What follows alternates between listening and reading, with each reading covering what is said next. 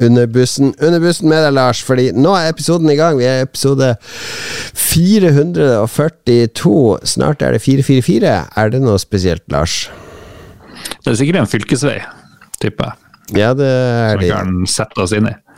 Jeg hadde jo, Du gikk glipp av hytteturen nå, men da dro jeg en sånn quiz som jeg hadde laga til svigerfamilien med, hvor starter E6 og hvor slutter E6 og Europavei 18. Europavei 18 er veldig gøy. Den starter i Irland, og så slutter den i St. Petersburg. Eh, så det, det er en spesiell vei. Går det en vei sånn gjennom Ukraina og inn i Roma og gjennom Russland og sånt? Alle veier fører til. Til Rom. Men eh, vi skal ikke lure oss ned i et sånt kaninhull i starten. Vi har med en gjest, nemlig. Han uh, har kort år, han uh, liker hiphop. Han har laga podkast, eller radioprogram, da, som tilfeldigvis også er en podkast uh, lenger enn vi har laga podkast, Lars. Ja, de sier det. Vi får innrømme nederlag da Ja. Lite nederlag. Eh, Hjertelig velkommen, Erling Rostvåg, eh, kjent fra både Spillmatic og Klanen, og også eh, Goodgame, gamer.no, e-sport. Halla, og takk. Um, ja, jeg har holdt på lenger enn dere, men jeg tror dere tar oss igjen på episoder uh, etter hvert, altså. Vi er jo på 530 eller noe sånt nå, men vi er jo ikke alltid så flinke til å lage hver uke. Og vi har veldig, veldig lange sommerferier. Ja, for vi vi lager um, faktisk hver uke, så det, det blir en catch-up. Ja, vi har brukt um, 15 år på å lage 530 eller 40 episoder eller noe sånt. Ja. Så det, det går litt saktere her i gården. Men uh, vi kommer jo til å skryte av at vi er liksom OG spillpodkasten i Norge som fortsatt eksisterer, i hvert fall. Ja. Um, så lenge vi eksisterer. For det er på en måte den ene lille to famen vi har. FS Spillmatic er eh, Det er et radioprogram på Radio Nova. Det går tilfeldigvis alltid når jeg skal hente ungen på parkour. Så da hører vi på Spillmatic i bilen på vei til og fra parkourtreninga. Men eh, det er radioprogram, og det er podkast. Og eh, det er en blanding av eh, spill og hiphop, var vel grunnkonseptet. Ja, Det er ikke så mye hiphop lenger. Altså, Vi spiller jo låter, men det er stort sett det. Og så har vi nå Det er mye Um, med 500 episoder med prat om Parappa the Rapper, så man må kanskje ekspandere horisonten litt. Det er liksom Parappa the Rapper og GTA San Andreas Og Def Jam. og DJ Hero. Ja. Ja, og Def Jam. Ja. ja. Er det de mest hiphoppe spillene som fins? Snoop har jo Og laga Snoop er Kinect-spill med Snoop, husker du det? Det var et eller annet Nei, der, det har jeg eh, ikke spilt. Men det er jo ikke Det er jo ikke den mest hva skal jeg si, kombinerte sjangeren, da. Dataspill og hiphop. Jeg husker veldig godt da Spillmatic var helt nytt i, på høsten 2008. Så var jeg liksom, prøvde jeg å google litt og sånn, og se om noen snakka om oss på et forum. og liksom prøve å plukke opp noe feedback, og feedbacken var liksom gjennomgående. Jævlig fett program, bare siden med all drittmusikken. Ja, det for det gjør det vanskelig for dere sjøl, for det er jo mange som eh, Altså, hiphop er jo en sånn der enten-eller-sjanger. Enten så syns man hiphop er fett, eller så er det sånn Jeg vet hva det der eh, De står bare De prater bare. Det er bare prating, det er jo ikke noe, det er ikke noe sang. Ja, da har det jo blitt større. altså I dag så er jo hiphop mainstream, på en måte. Ja, det er sant. Popen er blitt hiphop. Men um, da vi var på TG og kjørte livesending der ja, sikkert i 2010 eller noe sånt, så var det jo bare tekno, liksom. Det var ikke eneste eh, liksom eh, breakbeat eh, å høre noe sted. Så det, eh, det, det, er en, det er en greie, liksom, at gamere hører på tekno. Og så er jo gamere nå blitt så svært begrep at det blir sikkert teit å si, men i hvert fall historisk så har det ikke vært veldig mye overlapp der. Men vi har uh, tviholdt på den, uh, den nisjen. Er det er mumble rap? Er det hot or not? Jeg sa det var noen uh, veldig uenighet. Mm. Jeg er ikke noe fan av sjangeren, egentlig. Jeg har hørt enkeltlåter hvor på en måte den der mumlestilen blir litt sånn det, det, De får det til å høre som det kommer Det er mer et sånn der frustrert brøl, liksom. For det bare, det bare velter ut. Ja. Og da er det jævla fett. Um, men det er på en måte Det er snakk om håndfull låter som jeg har sjekka ut i den sjangeren, som jeg syns mestrer det, og resten er bare jeg synes jeg kopierer hverandre, og det høres ut som latskap. Men da er vi nok tilbake til den klassiske at uh, de gamle ikke forstår hva ungdommen liker. Da. det er, er noe i det. Det er, det er, litt skummelt med å liksom avvise det helt, fordi det kan være at jeg bare ikke har skjønt det. Jeg, jo, eh, jeg, jeg, mener jo norsk mumble-rap er bedre enn amerikansk. For amerikansk høres så lat, lat ut, men uh, i Norge så har du mm. han uh, Lill Crank borte i Drammen som spytter ut det ene mumble-rappen etter den andre. Eplejuice og balsam på balla, det var der han begynte. Så ble det Skitne Frank og Det er han, han, er den eneste mumble-rapperen jeg liker, han Lill Crank. jeg var jo veldig fan av Kave en periode. Yeah. Uh, og han har jo på en måte sånn innslag av den derre mumble-flowen i noen av låtene. Spesielt når han på en måte skal uttrykke liksom frustrasjon. Det er nesten som om ordene løper litt fra ham. Og så liksom snubler han gjennom det. Ja, ja. Og det er på en måte rap-stilen hans. Det syns jeg er kjempekult. Uh, dessverre, med Kave så outa han seg sjøl som antisemitt, og er vel persona non grata i de aller, aller fleste miljøer, så Det er en stund siden sist du hørte noe fra han. Det er vanskelig. Hva med Nå må du slenge inn noe sånn samisk eh, hiphop her, Lars. Mm -hmm. Ja, du har en Slink Race. Fins det noen store samiske rappere? Det er liksom en som har prøvd seg her lenge, og det er en Slink Race. Sikkert noen andre òg. Så er det jo eh, Det er kanskje litt uh, fordomsfullt av meg, men Elastinen han rapper jo på finsk. Han var jo en del av det der Scandalnavia, hvor uh, Tommy T samla liksom yeah, svensker og dansker på én finne. uh, og fikk med, fikk med ett finsk vers på liksom tittellåta til albumet. Uh, det føler jeg jo er mer beslekta med samisk rap enn en Østlandet og Bergen og sånn. Han kar som het Amok en stund, han hørtes veldig sint ut, og han sang på noe sånn her eh, tornedalsfinsk eller noe sånt helt sånn sinnssykt språk som ingen skjønner, egentlig. Som ingen kan. så, men det hørtes jævlig fett ut. Jeg, jeg, må innrømme at jeg sliter litt der. Jeg kjenner folk til og med folk som ikke er så veldig hiphopere, som liksom digger å høre på fransk rap og sånn, fordi det er så bra. Mm. det høres så intelligent ut. Det er det. Du skjønner, du skjønner, ikke hva de sier, men, så det høres så mye mer intelligent ut når de snakker på fransk. Det høres ut som de leser opp Descartes eller uh, Michael Hollebeck, men så synger de jo bare om uh, bitches og hoes og penger uansett, tenker jeg. Mm. Jeg har, litt, uh, fan, jeg har, blitt litt fan av danskene, da, fordi de er så utrolig liksom, mm. tøylesløse i hvor grove og dirty de er. Det er ja, ja, ja, ingen jævla grenser. Og I starten så syntes jeg det var litt flaut og kjipt, men nå tenker jeg sånn Ok, nå har de gått for det, liksom. Og det er ikke bare en gimmick, det er hele livet deres. Og, og, det har vært sånn i ti år. Det er gøy, det.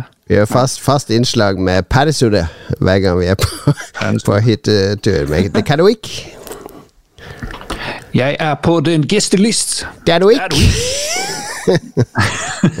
så har du selvfølgelig fra, fra, Danmark han Elron Håvard, som er uh, sånn der sør, sørdansk. Det, det, er to, det, er nesten umulig for dansker å forstå hva han rapper, fordi det er den der mest eh, grove, tyskaktige danske dialekten.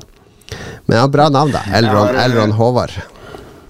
Ja, det er bra. Jeg har en, eh, en uh, anbefaling. Jeg veit ikke egentlig om jeg anbefaler artisten, for jeg har egentlig foreløpig bare funnet en låt jeg syns er fett.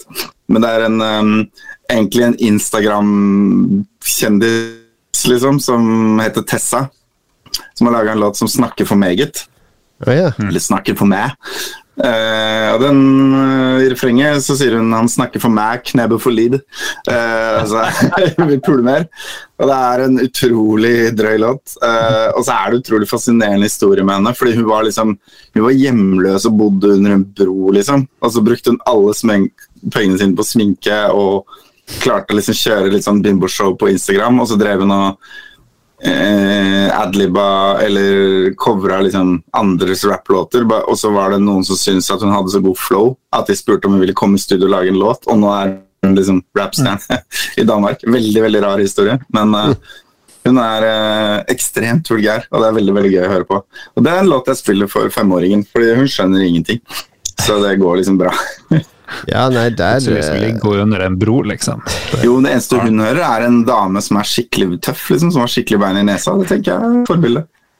Når vi, Er vi det- vise fram mest mulig. Utøver du i heimen noe sånn musikalsk sensur når det gjelder rapptekster og sånn i det hele tatt? Jeg, jeg har jo allsang med ungene mine til Fuck the Police i, i bilen med NWA når vi kjører over fjellet til Vestlandet videre. For jeg tenker når, når det er Det er sånn Det blir sånn fantasispråkverden for de å forholde seg til. Det er mer abstrakt når det er på engelsk. Ja. Hvis ikke engelsk er morsmålet ditt. Så det, du kommer unna med en del mer ting. Men er jo, mine barn er jo øh, ni og fem, så det er ikke Det er klar for Fuck the Police, engelsken da. er stødig nå. Det går det greit. Ja. Så at det, det, det er chill, og så er det liksom ikke så, Jeg lar jo være å sette på den tracken på Dr. Dre's 2001-album som bare er masse folk som puler, liksom. Uh, Ja, det er- det er litt flaut. Men, uh, eh, men tekstmessig så har jeg vel ikke uh, sortert ut noe foreløpig. Vi får se da, når hun begynte å spørre om hva sånne metaforer om one night stands i Karpe-låter betyr og sånn.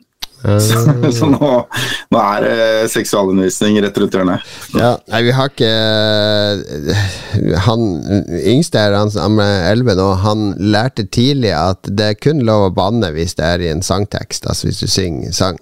Så hans favorittlåt da han ble syv år, det var selvfølgelig Isa med Fy faen. For da kunne han gå rundt og si Fy faen, fy, fy faen. Ja, ja, den er kjempegøy. Ja. Men da, da er det lov. Men husker altså også barna Alle på skolen til den eldste hadde liksom hørt den og gikk rundt og sang på den. Ja. Um, for de engelskspråklige så må du sjekke ut um, det? Obi Trice-låta på um, på Eight Mile soundtrack. Uh, hva er det låta heter, da? Uh, uh, uh, jeg husker ikke, men det er den eneste låta Obi Trice har på Eight Mile, tror jeg. ja. Og den, uh, der sier han 'motherfucker' 14 ganger i hvert refreng eller noe sånt. så det Hvis du har lyst til å liksom glede barna dine, så er det bare å sette på den. Ja, ja, ja. Eh, Før vi forlater eh, hiphop helt, hørte så dere det der Grammy 50 år med hiphop? eh, Ja, det så jeg det innslaget der. 10-12 minutter. Og der var jo en Buster Rhymes eh, innom og skulle liksom eh, Ja, det var tull. Hæ? ja han, det, det var gå med ikke høydepunktet. Syng fort, men den Busta, det var jo bare Jeg er sånn blanda forhold til Busta, for han har et par skikkelig fete låter. Hvor han på en måte kjører den der raske stilen, og så stopper han opp. Og så blir det på en måte en del av rytmen, ikke sant? Og kanskje når han stopper, så stopper beaten, og det er ganske sånn virkningsfullt triks da, eh, for å få deg til å liksom nikke med. Eh, men han har også ganske mye dårlige låter, og han lagde vel noe sånn som fire album på et år på et eller annet punkt, så han har jo ikke sensurert seg selv. Altså Busta, Busta frem til Space Jam. Det kulminerte i Space Jam, for etter det så har det gått nedover med Busta. Men Space Jam-låten med Busta og LL Cool J, og eh, den, den, den er fet. Fortsatt. Det er en kontroversiell påstand, eh, Jon Cato. Hit 'em high, hit 'em high, hit 'em At han ikke har lagd noe bra etter det. Ja, jo, jo, låta er fin, den. All right, nå ble det veldig mye Nå ble det Som jeg Shit, må bare skyte Ja. Ah, Sorry. Bare Twista. Han yeah. var jo kjent for å være verdens raskeste rapper. Det greiene der kan du få billig av meg, ass. Det, det er bullshit. Han rapper enda raskere enn Buster Rhymes, flere ord i minuttet, og det er bare Det er bare drittkjipt. Sånn, takk for meg. Det, nå ble det full spillmatikk her, vi må dra det tilbake til normalen. Er det noe som har skjedd i det siste som vi har lyst til å dele, Lars? Noe som har skjedd eh, Gjort, tenkt, spalten din. Eh, Gjort og tenkt Nei, det, jeg, har, jo har jo samtale med deg og noen andre folk i en gruppe om eh, den her nye GPT4, den der. AI-robot-skiten. Ja, ChatGPT er jo liksom en hvor du kan drive og prate med han, men du kan jo bruke GPT til masse andre ting òg, da. Hva står GPT for? som at det driver og tar helt av. Eh, general petroleumsteknologi eh, står det for Nei, jeg vet ikke hva det står for. Ingen som vet. Nei. Nei, Det er bare gøy å se hvor langt det går og hvor fort det går. og sånt. Og så syns jeg det er helt uh, fantastisk. Uh, folk driver og, og, Det var jo en kar som fikk mye oppmerksomhet uh, i deler av, av Twitter-verdenen jeg fulgte med på. En kar som sa ok, chat GPT jeg har 100 dollar, selskap hvor jeg skal bli rik på enklest mulig måte. Alt må skje online. Og så mm. gikk det vel en uke, eller noe sånt, så hadde han tjent 2000 på videresalg av liksom Jorr. Bare sånn storefront-greie. Det høres ut som en av de her get rich quick-drittskimene, men han fikk nå til, da. Nå er det Ikke sjekka liksom i det siste, da, men uh, hvor, hvor, godt det går. Men det som den der uh, eh, GPT-en kan, kan, gjøre, det var jo bare å, å, å Nå kan tolke bilder, så den la inn bare en sånn Ok, sånn her skal det se litt ut. Ok, da lager vi en app som ser sånn ut og gjør enkle ting. Og det gikk åpenbart uh, veldig smooth. Så jeg spår jo at enormt mye sånne uh, IT-bransjefolk kommer til å miste jobben sin Uh, om ikke så veldig veldig lenge, og sikkert kjempemange andre. Men greia med GPT står for Generative uh, Pre-trained Transformer. Men greit, Jeg så også den tråden der, Lars, og han, han har jo jobba masse sjøl, da. Det er jo ikke sånn at en AI-en gjør alt. En AI-en sier vi burde gjøre sånn og sånn, og så må jo han inn og jobbe og, og fikse ting. Han må jo gjøre litt, men at du kan lage en app så fort. Det var en annen kar som lagde app. Han sa jeg vil ha en app som gir meg fire filmanbefalinger med trailere uh, og litt tekst, og så skal den liksom funke. Og det gikk ganske lett. Så min teori er at du kan lage dine egne apps ganske fort. Det er liksom slutt på å uh, lete etter apps. Om et år eller to, eller hva det nå blir, så lager du bare Du bare sier hvilken app du vil ha, og så lages den ganske fort. Ja, det tror jeg. Sånne små apps, så, sånne enkle apps for å få oversikt over tilbud eller PlayStation-anbefaling og sånt, det, det er jo rimelig lavterskel å lage. Så nei da, det er klart. Det, jeg syns også det er dritspennende, for det skjer så fort nå. Ja. Det vi må gjøre, er å bruke Jeg syns det er interessant ja. Sorry. jeg syns det er interessant at vi foreløpig så bruker folk til veldig mye til kreativitet, eller folk som ikke har kreativitet, prøver å få ChatGPT til å være kreativ for seg. Og lage kule bilder eller sånn. Og så tenker jeg at kanskje egentlig det bør være motsatt. da. At det er det der drittarbeidet. Det, liksom, det, det som bare tar masse tid.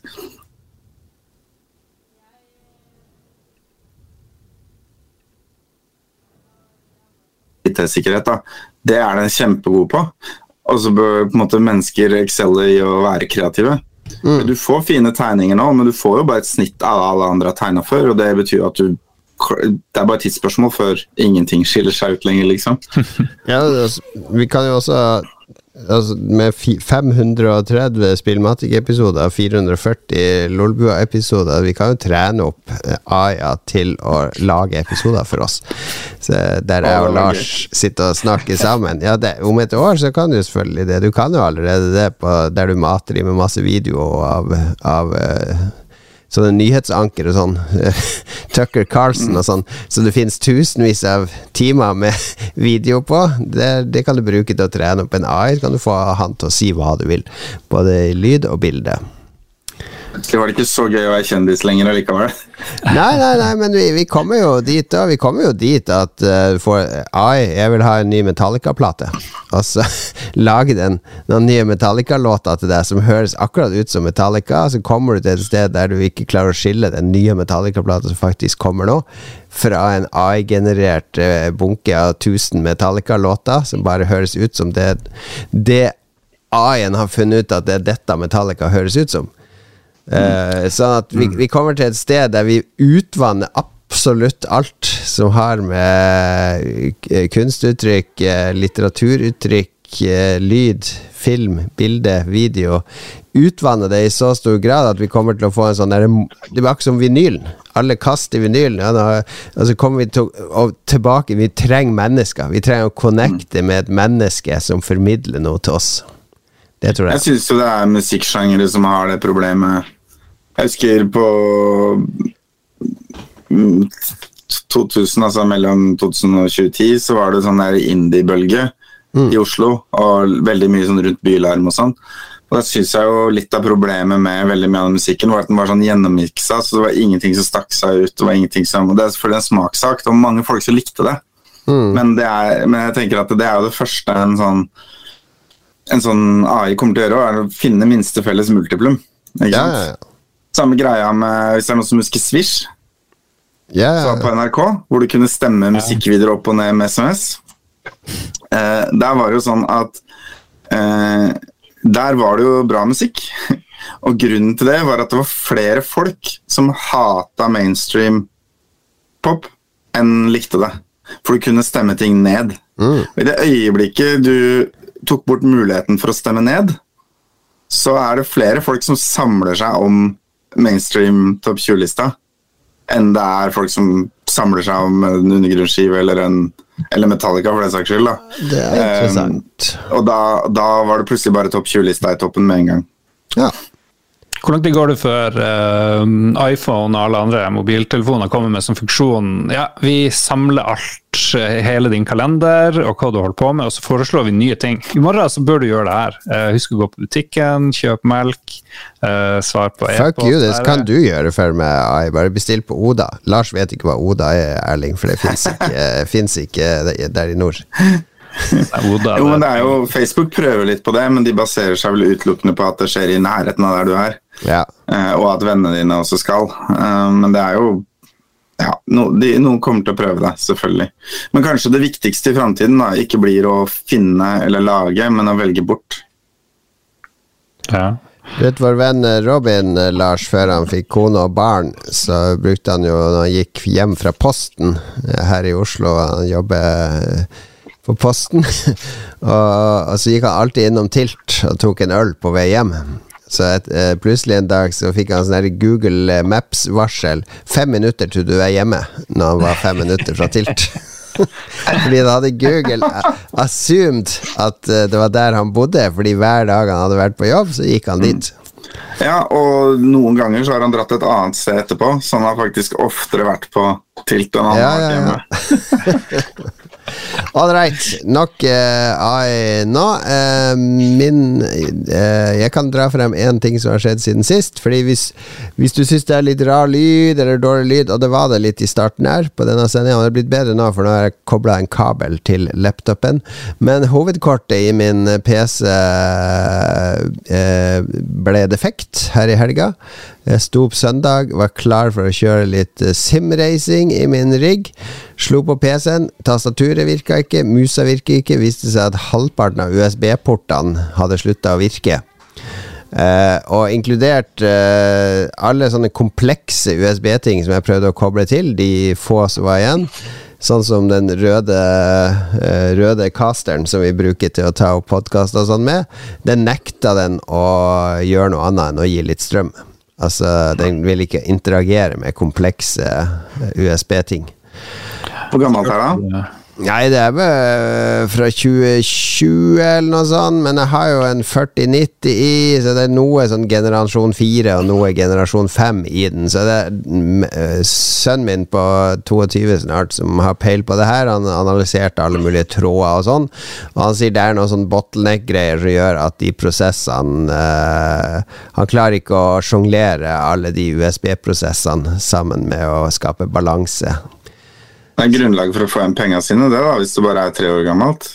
Ja, det er jo det, men problemet, eller det, er- her lærer du når ungene dine blir større, men hver gang far oppgraderer PC-en sin, så drypper jo delene ned i arv, så at det, det, det kortet her fungerer jo hvis jeg setter inn et 2080-kort, f.eks., altså litt eh, eldre hardware. Så nå, nå har jeg nytt hovedkort uh, på vei, og da må, må jeg også ha ny RAM, og da må jeg også ha ny CPU, så det ble en uh, solid, uh, solid utgift. Så vi spiller inn på en gammel Macbook nå, der jeg har klart å koble til kabla nett, så da ble lyden endelig stabil, men det var litt drop-out i starten, så det får bare beklage til lytterne der. Drop out. Ja, nei, men bra. Erling, har du noe major news? Uh, fotball, fotballfansen vår kjenner jo at du er jo en sånn fotballpamp. Var jo det. Talsperson Ja, du, du, er, du er på vennelista til Infantilo, er du ikke det? Nei, det er jeg på ingen måte. Men på vennelista til Lise Klaveness, da, som jo taler Infantina midt imot. Ja, ja, ja. Men um, Men du har sagt ehm, opp. Hæ? Du har sagt opp. Ja, jeg, på torsdag som var, så hadde jeg, ehm, hadde jeg mitt, eh, mitt siste styremøte som eh, styremedlem i klanen. Nei, siste, siste årsmøte, mener jeg. Så det er jo på en måte da jeg formelt sett blir eh, Noen andre blir valgt inn istedenfor meg. Og det var jo vemodig, det, en stund. Og så gikk vi på puben, og så var det ikke så vemodig lenger. Nei. Eh, for da hadde noen bare kjøpt ti øl eh, uten å tappe de. Og så kunne jeg bare gå og forsyne meg i baren. Så det var hyggelig. Og takk for lang og tro Hvor, hvor lenge var du i styret her?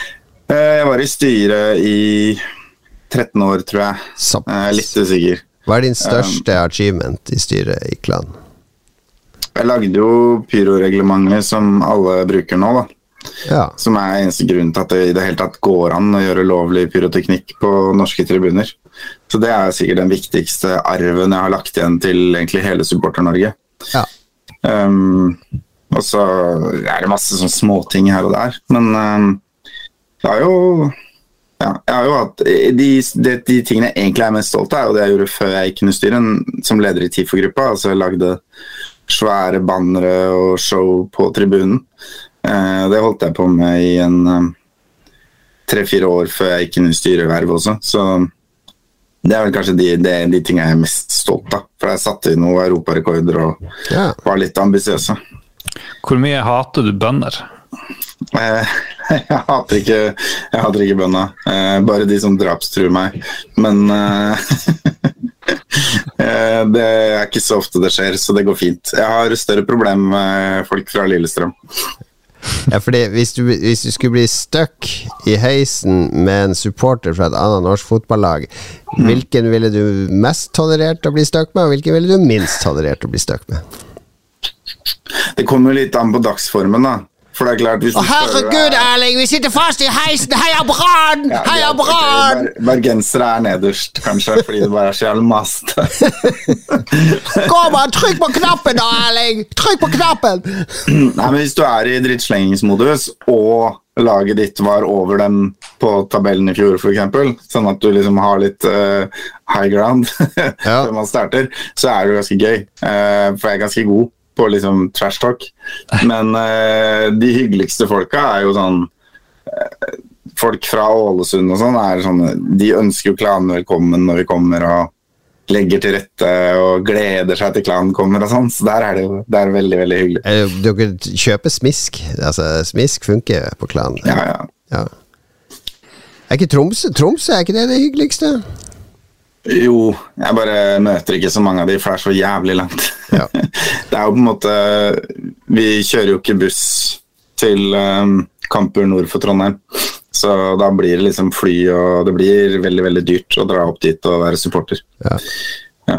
Husker fortsatt når eh, klanen kom til Harstad, når du var Harstad-Vålerenga Lars for mange år siden. Ja, var det noe spesielt som stakk seg ut. Nei, jeg husker Jeg tror det ble 2-2 eller noe sånt den kampen. Det var ikke noe spesielt. Ja, det var ikke så mange av det heller som kom med det flyet. Det var en liten gjeng. Ja. Ingen slåsskamp. Nei, det var litt morsomt, for jeg var på sportsbar på lørdag, eh, på Andys pub i Oslo. Får For å gi litt kudos til de, fordi eh, det var jo Formel 1-kvalik på lørdag klokka seks. Først var det jo Premier League-runde med, med Ja, for de som er interessert i det, jeg er ikke så interessert der lenger, fordi det ene klubben etter den andre faller jo inn i Saudi-Arabias eh, klamme grep. Eh, men det var Formel 1 klokka seks, og så jeg tenkte jeg det, det bruker de å vise her og der. Men så får vi først på der O'Reillys, som er i Markveien, for de bruker å vise Formel 1. Der har vi liksom fast bord og sånn. Men nei da, det var noe sånn irsk rugbylandskamp, så der kom det til å komme en million irer i kjølvannet av St. Patrick's Day, så han torde ikke å sette på noe Formel 1. Så, så da endte vi opp ned på Andys pub, spurte om han kunne sette på en skjerm med Formel 1 klokka seks. Ja, ja, ja, vi skulle få en skjerm. Det var helt eh, greit. De viste alt av sport, bortsett fra UFC og boksing. Og så bare Å ja, hvorfor viser dere ikke det, da? Nei, da hadde de prøvd en gang. Da ble det tre slåsskamper på to timer. på tre forskjellige steder i lokalet, så det orka de rett og slett ikke. Det er Uh, det- verst. Ja, det, det, jeg tenker Ja, ja det, jeg er kanskje litt forutinntatt. Jeg er jo ikke sånn stor fan av UFC jeg, eh, heller. Jeg tenker det, Man avler det man eh, lager. Du får be dem sette på WrestleMania neste gang. det. Ja, det blir body slam. Det er i hvert fall eh, bullshit det folk sier, at du på en måte får ut aggresjonen. da. Ehm, og at det gjør folk roligere ellers. For det man faktisk gjør hvis man driver med slåssing, eller bare veldig utagerende supportervirksomhet, er jo egentlig at man øver på å være hissig. Ja. Og hjernen din er skrudd sammen sånn at den liker å gjenta det den gjør ofte. Så den der eh, teorien som mange løper til om at ja, men vi får det ut her, og så er vi snille som lam hjemme, liksom, det, det er bullshit. Det, det får være siste ord i denne spalten.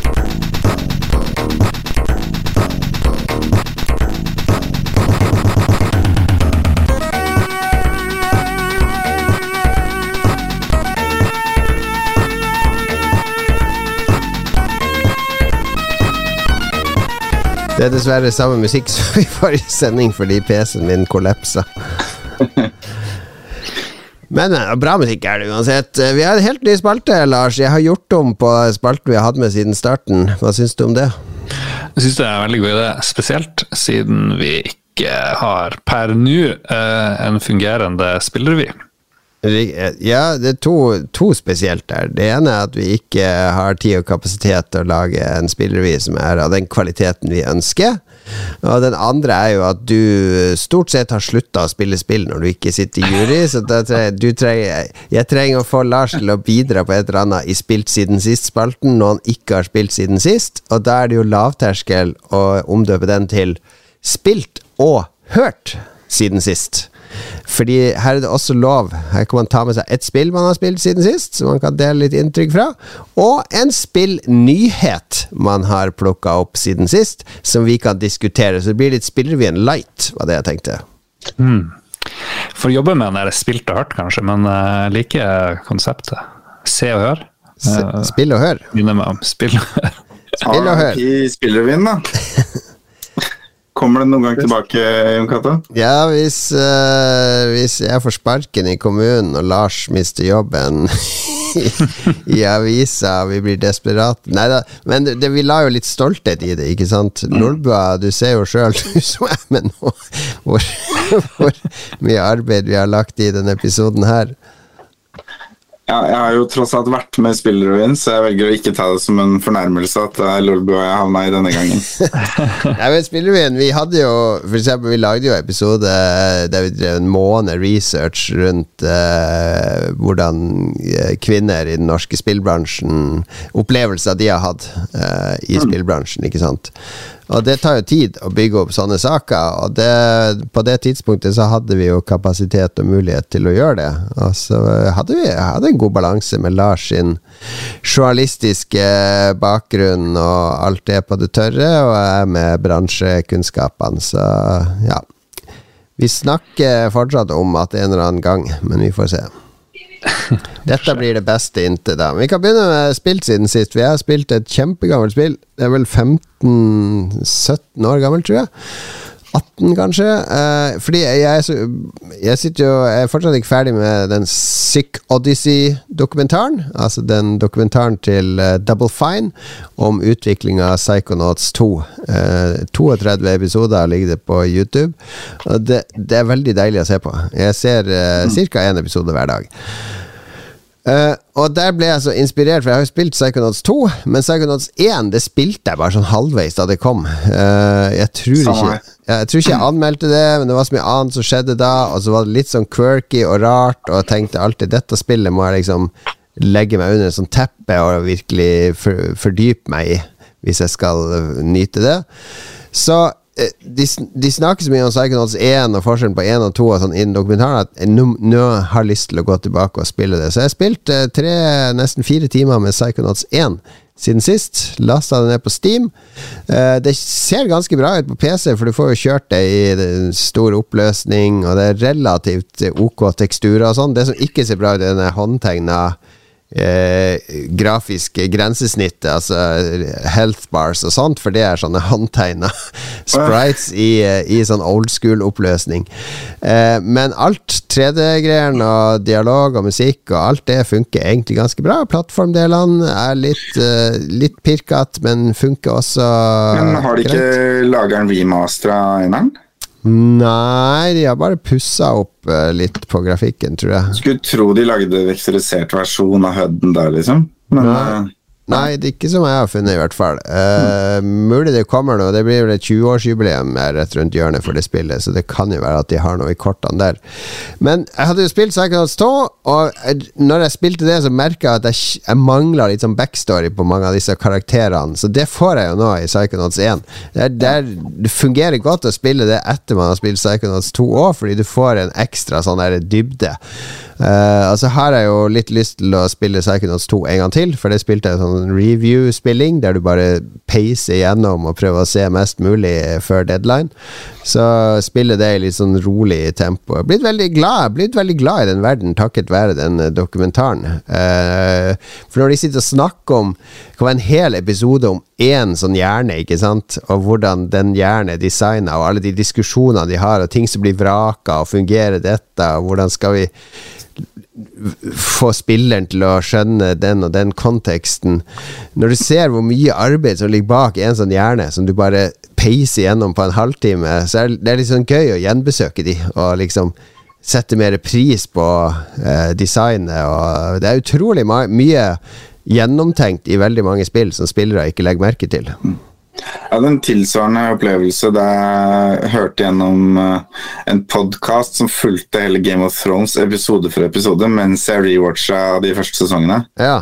Og jeg skjønte så mye mer og fikk så mye mer ut av serien. da. Syns mm. den løfta seg veldig, så det er utrolig Og nå gjorde jeg det tilsvarende på The Last of Us. HBO slipper jo alltid sånne offisielle podkaster, og ja. de er litt sånn De er litt sånn skrytete de har jo ikke gjort noe gærent, liksom. Aldri. og, og, det ikke, og, det er ikke, måte på hvor fantastisk det er.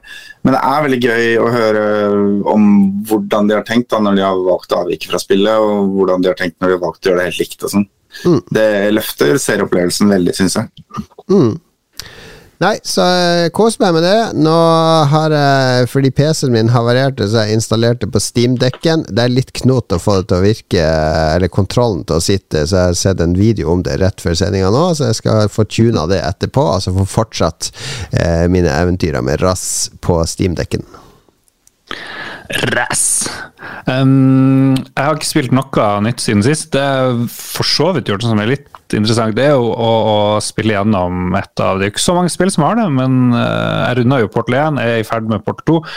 Men det jeg har gjort når jeg liksom bare chilla litt, det er jo å kjøre gjennom Portal 1 på nytt med, med utviklerkommentarer som er ganske artig. Det er jo litt uh, det vi snakker om uh, nå. Og det, det, er artig å høre han Gabe Newell uh, introdusere sånn assistert, kommentert playthrough av Portal, hvor du har de der Det var vel noen studenter nesten som hadde konseptet til Portal 1 så, mm. så før Valve lot dem lage hele greia. Og hvordan de designer et ganske komplisert spill, altså. Hvordan hvordan får du commentaries? Spiller du av en YouTube-video mens du spiller, eller er det innebygd i spillet? Det innebygde spillet det er sånne ikoner du kan trykke på, hvor det er sånn her uh, høyttaler. Du, kan, du kan det i Among the Sleep òg, så kan du enable playthrough with commentaries, og der er det sånne mm. uh, bobler som svever her og der. Så hvis du går mm. til de og trykker på en knapp, så får du kommenterer man den scenen eller det brettet. Og der, En av de boblene måtte vi faktisk fjerne i PlayStation-versjonen. Gjett hvorfor. Mm, handler bare om analsex. Nei, i den bobla så snakka vi om uh, achievements. For jeg hadde lagt inn Steam achievements. Ah, også, uh, hvordan man filosoferte. Ja, og PlayStation sa denne må dere spille inn på nytt, der dere sier trophies. Altså, bare, uh, ene, han ene som er med og snakker, har jo slutta, og ditt og datt. Så går, det, det er jo Steam achievements, det er ikke Xbox. Ordet achievements er ikke lov å si. Ok, da, da fjerna vi bare hele den bobla. Så det, det er én mindre commentary i PlayStation-versjonen enn i de andre. Nei, så, men jeg vet ikke om det er verdt det for utviklerne, eller det spørs jo hvor mye tid de har og, sånt, men jeg skulle gjerne sett mer sånt uh, i spill. Men jeg tror ikke, tror ikke du tjener jeg tror ikke du tjener inn pengene og tida du bruker på det. Nei, ja, det, er ikke, det er ikke så mye tid å lage, men jeg, jeg kjenner jeg er mer interessert i det enn sånn film med kommentarspor. Det ser jeg gidder aldri å sette på. Ja, det, det var veldig populært i starten. Husker dere alle Jeg husker det kom på laserdisk, var det flere sånne kanaler der. Tarantino og Rodriguez som sitter og drikker seg dritings mens de roper Tarantino roper og det er- skriker. Det er jo gøy hvis det er din absolutt favorittfilm og du har sett den 20 ganger. Ikke sant? Ja. Eller da, da jeg for eksempel så The Dark Knight. Hva sa Eh, The Dark Knight hadde jo en sånn innebygd uh, kommentar da, på DVD-en. En Ja. Dokumentar. Så det var ikke commentary hele veien, men det var mer sånn du kunne sette deg ned og så kunne du se en halvtime på valget de tok, og hvordan de klarer å gjøre The Joker så jævlig creepy og sånn. Det er jo kjempeinteressant, Ja. hvis du hvis du liksom elsker den filmen. da.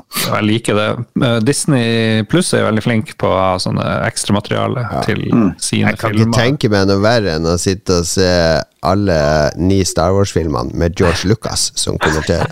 Uh, so we decided to place this thing in the desert. Samme, samme podkasten som gikk gjennom Game of Thrones, har jo også en gjennomgang av Star Wars-universet. Tilsvarende. Eh, og der, flere ganger, så påpeker de at George Lucas ljuger i sånne kommentarsporvideo. Han påstår at han har tatt et valg, da. Eller, eh, eller altså gjerne tatt det på tross av at noen andre mente noe annet. eller noe sånt. Og så er det dokumentert at han var mot det valget som ble tatt eh, 20 år tidligere. liksom. Så at eh, han, han er en eh, hva skal jeg si, historisk revisjonist. altså. Han finner på eh, storyen på nytt, sånn at det høres får han til å se bedre ut. Jeg skulle ønske at noen uh, fikk lov å gjøre om alle kommentarene på filmer til podkast, bare. Det ville gjort det mye uh, mer hørbart, tror jeg. Det er ikke så ofte du må se filmen. De prater jo generelt uh, om Ja, det hadde kanskje fungert like bra som podkast. Ja, det er sant, det. Har du spilt noe siden sist, da, Erling, du kan dra frem? Ja, jeg kan bli enda mer old school enn deg, faktisk. Jeg kan gå ehm, Hva blir det? 27, 26-27 år tilbake i tid. Ja. Eh, fordi jeg fikk et innfall her om dagen, og så installerte jeg eh, Diablo. Det første. Og det husker jeg jo at jeg spilte masse da jeg var eh, hva blir det? 14-ish. Um, og jeg husker at det kom ut på en CD, og at hele installasjonen av Diablo tok 1,5 megabyte. Resten bare kjørte fra CD-en. Men hvis du ville spille online da, med en kompis, og ikke begge hadde spillet, så kunne han andre installere demo. Og så kunne du liksom hoste med CD-en, og så kunne han Og demoen lar deg spille 20 leveler ned eller et eller annet sånt, og kun som warrior eller Jeg husker ikke helt. Men der eh, eh, Når den da installerer nok til ikke kjøre det fra CD-en, så var det svimlende 50 megabyte, husker jeg. Den tok på harddisken.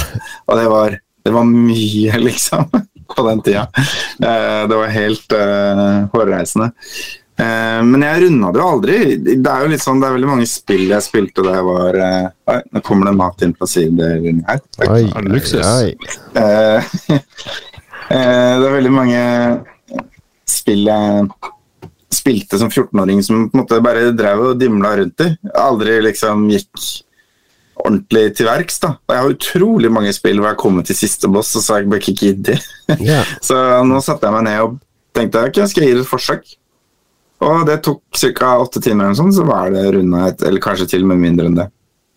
Men det var litt gøy, da. Nå, jeg liksom, nå har jeg endelig gjort det, og jeg fikk liksom sett litt på Jeg syns Diablo 1 er et veldig interessant spill, fordi det både har sånn utrolig frustrerende gameplay-ting, som på en måte viser deg hvordan dataspillet har gått videre, samtidig som det har masse ting i seg som de var de første som gjorde. Så det er både banebrytende og utdatert på én gang. Det er veldig gøy. Uh, og da gikk jeg selvfølgelig rett til Diablo 2 Remastered, eller Redux, eller hva det nå heter. Em, for å spille litt videre på det, og der har jeg ikke kommet så langt, da. Men em, Men du la det opp til Diablo 4, er det det som er målet? jeg gjør vel kanskje det. Uh, det begynte jo egentlig bare som at jeg var litt sånn tom i huet en kveld, og så oppdaga jeg at jeg eide Diablo 1 på gog.com. og det var installert. Og så bare ok, greit, vi prøver. Men nå, men så tilfeldigvis så ble jo det en slags oppladning til Diablo 4. Som jeg er veldig faren er nervøs at for. du får uh, Problemet er at du kommer til å få for mye Diablo. Fatigue. de spiller det. Ja, ja, så gidder du ikke. Så må du vente to år til, liksom. Mm, det er jo Det er veldig annerledes spill, da. Altså, Diablo 2 er jo mye mer sånn eventyr og lystig.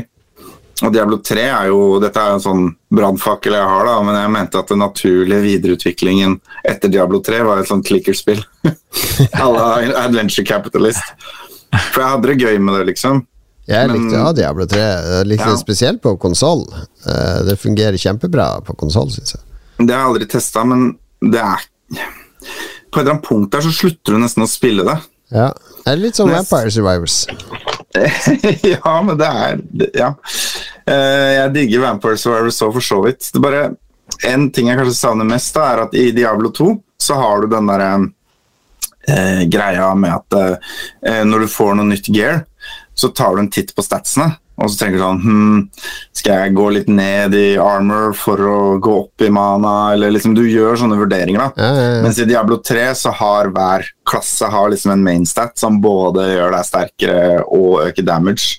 Og da, da blir det på en måte Da er det bare to tall du skal sammenligne. Er det høyere, skal du ha på deg det. Og så bare løper du videre, liksom. Det er ikke noe det, det har tatt litt rollespillinga ut av det, og det er veldig spent på hvilken vei Diablo 4 kommer til å gå nå, da. Om Ja. det blir fetere eller kjipere. Jeg har sett noen skjermbilder fra det, for det er jo sånn snø, kul snøfysikk der du kan trampe rundt og lage svære peniser i snøen eh, med fotsporene dine, hvis du vil. Så det er det passert en Lolbua-test allerede.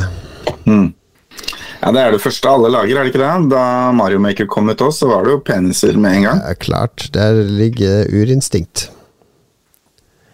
Alright, da var vi gjennom det vi har spilt. Da er det spillnyheter igjen. Eh, ta en liten trude. Ser du, Lars, nå, det er du som bruker å spise på sending, så når, når gjestene kommer, tenker de her er det lov å spise.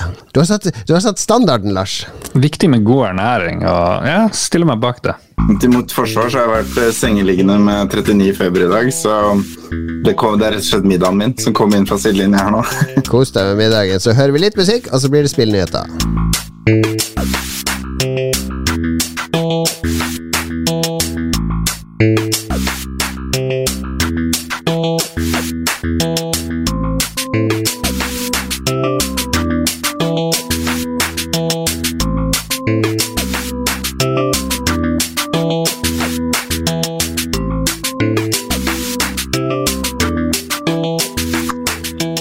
Spill og hør med Lars og Jon Cato.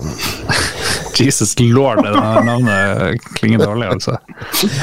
Nå, jeg skal begynne med min første nyhet. Eh, Vi har alle tatt med én nyhet hver som vi skal snakke om. Og jeg, mm, her skal det handle om eh, Erling sin gode venn eh, Giano Infantino igjen.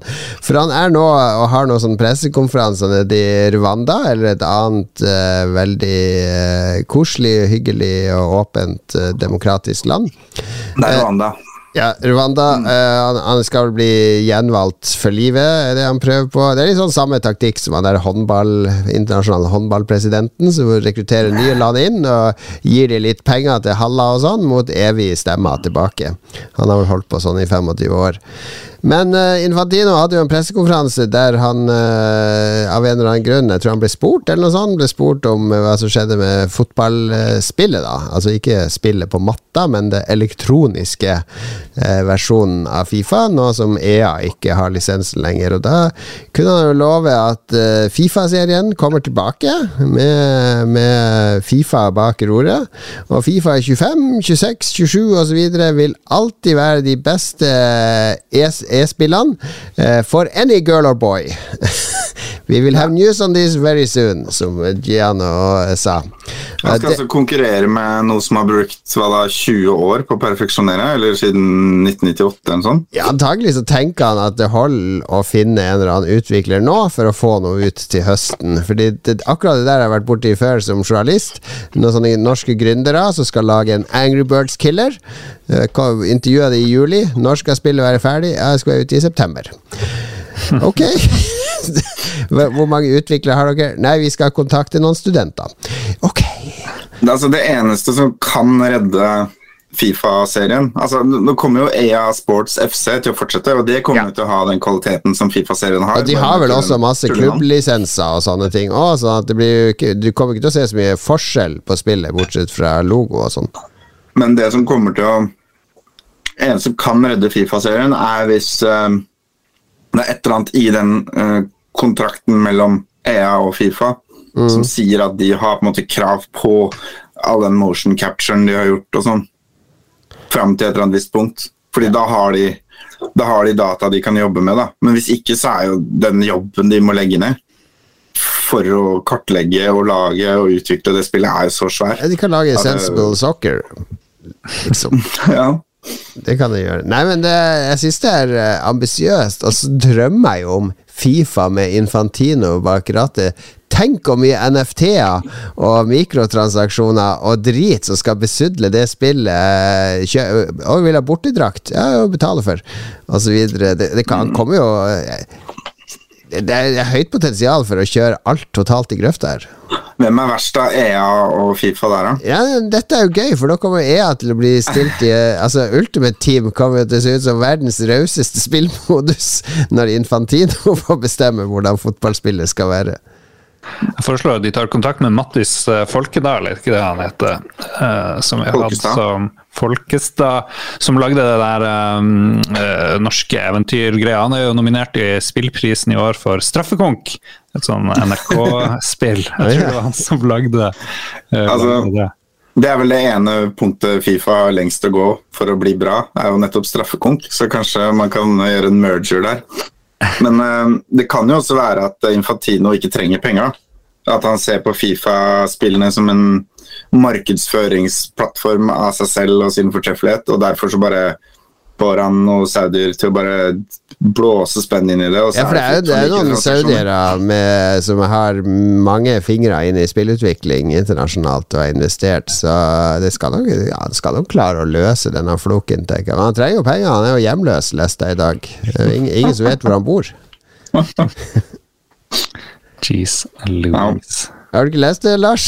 Han kjøpte et eller annet hus i, uh, i Midtøsten et sted, og så bodde han vel i Sveits før det. Og så er det journalister som har prøvd å dra til bostedsadressen hans, men det er ingen tegn på at han bor der, så det er ingen som vet hvor han faktisk bor nå. Han flytta jo til Qatar i forkant av VM, ja. men um, hvor han er nå, det vet jeg ikke. Han bor sikkert i Russland. If you hear this, Mr. Infantino, could you be a guest on uh, Spill og hør? Aktualitetsmagasinet om uh, spill. Jeg tror han deler leilighet med Steven Segal. Han uh, norske journalisten Andreas Seljås prøvde jo å dra til huset hans. Det kanskje det du refererte ja, til? Han ble trua med søksmål ja. på grunn av det. Så god stemning. Ja, du vet, vet, du vet at du er på sporet av noe når søksmålstruslene kommer.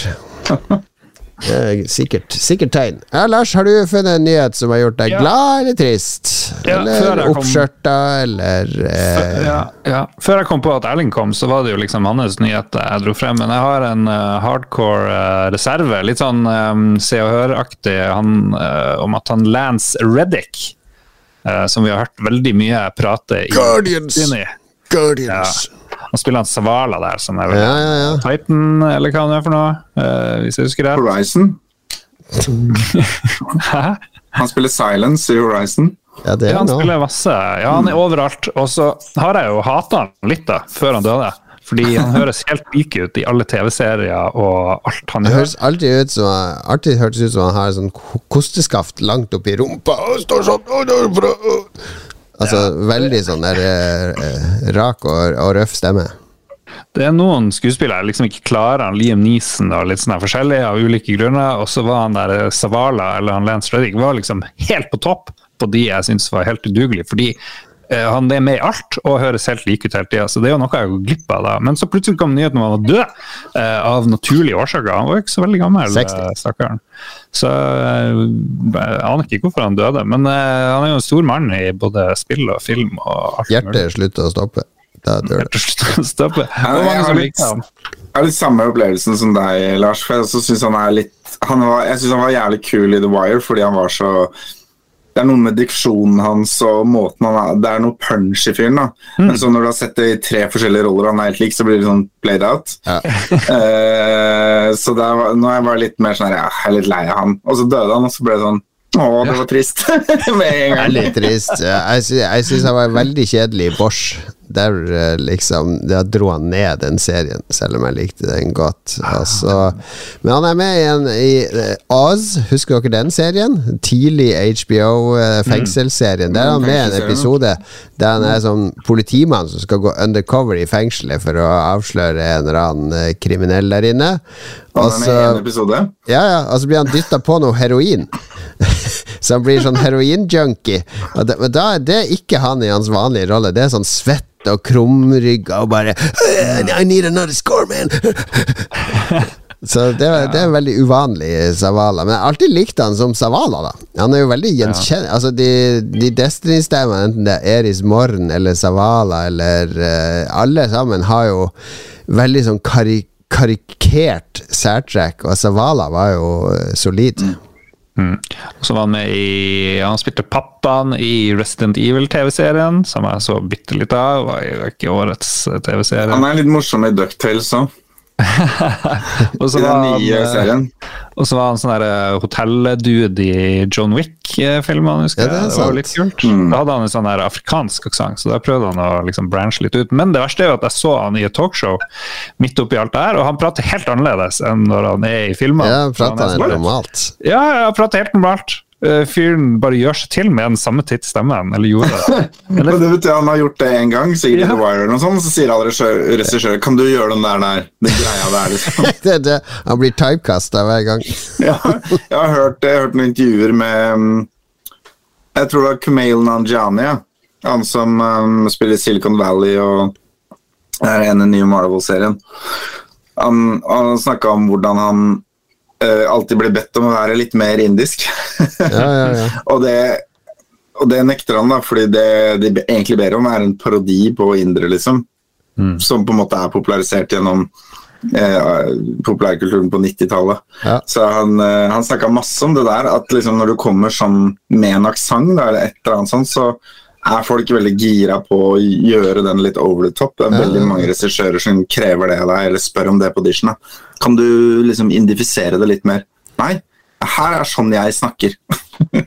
Jeg syns du kan være litt mer nordlending i uh, Lolbua, Lars. Ja, være litt mer komisk. Hva farsken? Og Ja. Men det er jo veldig rart å gå og irritere seg over han i masse år, og så dør han, og så tenker jeg hvorfor har jeg brukt masse tid på å irritere meg over han nettopp. fyren? nettopp.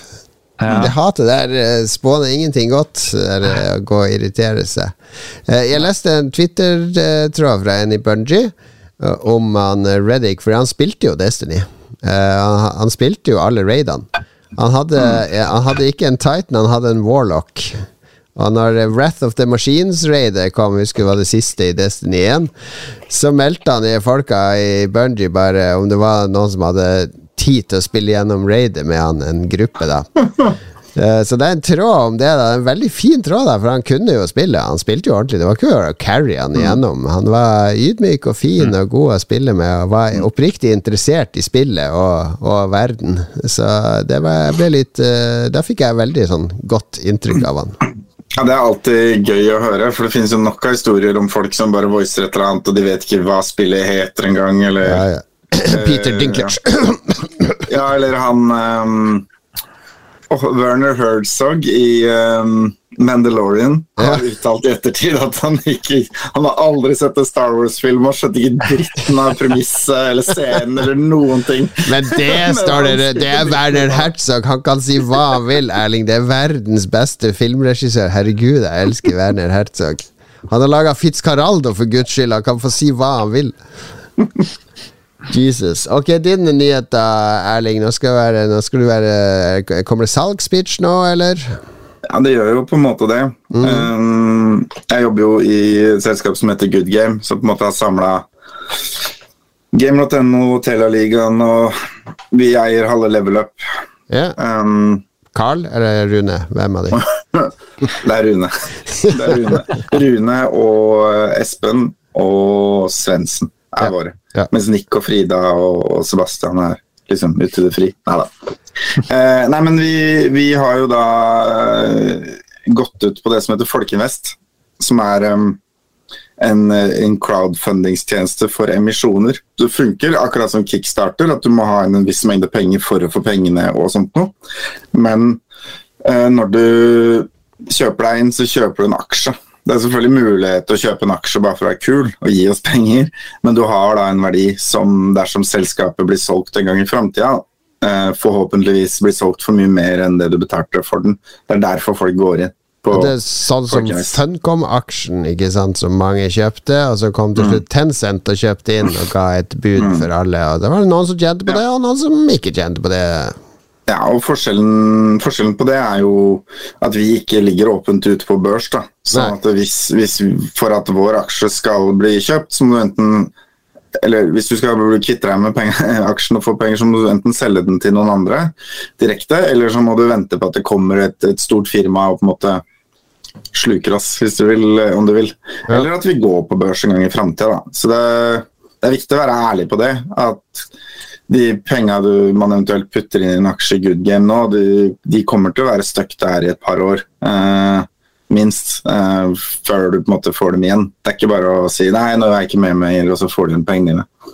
Og det er viktig å være med på at, uh, eller være åpen om at enhver investering medfører en risiko. Så det er ingen garantier. Men hva, um, hva fikk dere til å ta det grepet her? Det er håpløst å finne gode nok sponsorer eller samarbeidsavtaler, eller? Altså, vi har jo vi, vi, fikk jo inn en del penger da Polaris, som er sånn medieselskap, eh, det tredje største i Norge etter Skipsted og Amelia. Lars kjenner de relativt yes. godt. Ikke sant. De eier jo masse småaviser rundt omkring i Norge, og noen få store. Og de gikk inn på eiersida, og da fikk vi en kapitalinnsprøytning, som er helt på fint. Um, men så kom jo covid, uh, og noen deler av covid var liksom altså lesertallene på gamer ikke være, og det var flere som ville spille spill og sånn. Men samtidig så var det veldig mye vanskeligere plutselig i et usikkert marked å skaffe sponsorer da, som er inne på mm. Og hele event-biten av det vi driver med, ble jo fullstendig brakk. Sånn at eh, vi ligger jo egentlig et år på etterskudd, i hvert fall. Der vi skal være eh, når vi sikter på lønnsomhet.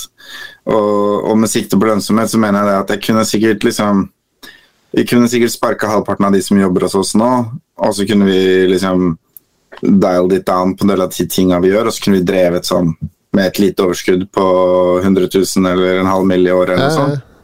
Men da vil vi jo aldri få til noe mer heller. Da blir det bare å trå vannet, da. Ikke sant? Så det vi har gjort nå i flere år, er å investere i vekst. Ikke sant? Vi har ansatt masse utviklere som sitter og jobber på ting som vi skal lansere og sånn. Men vi har rett og slett behov for mer penger da, for å kunne drive de neste to åra. Eh, og så er planen at innen utgangen av 2024 blir det vel, eh, eller i løpet av 2024, så skal vi være et lønnsomt selskap. da. Eh, men vi trenger litt cash for å drive fram til det.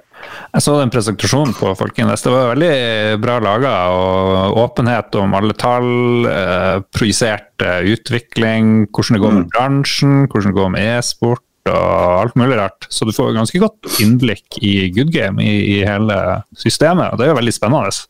Ja, jeg har jobba år og dag med den prestasjonen. Det, var, det, har ikke jeg gjort før, for å si det sånn. Det var en, ny opplevelse. Eh, men det er jo sånn, hvis man går inn på goodgame.no folkeinvest, da, så kan man sjekke ut det sjøl.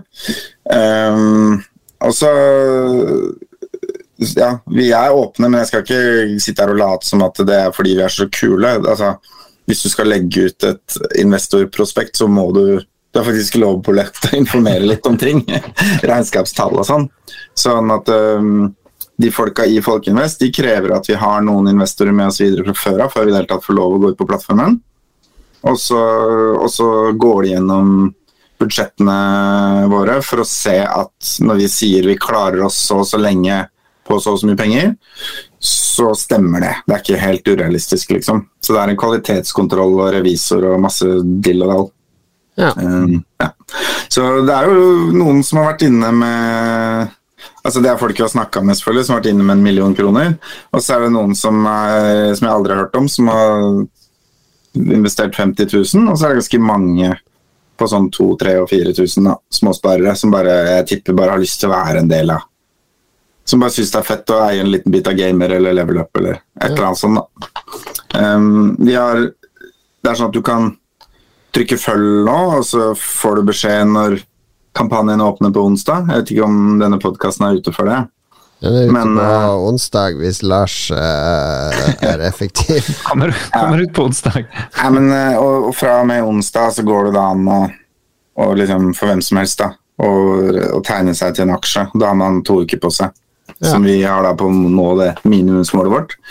Eh, men jeg har jo da sendt ut mail til 500-600 stykker som liksom la igjen e-posten sin og sa at de ville bli kontakta.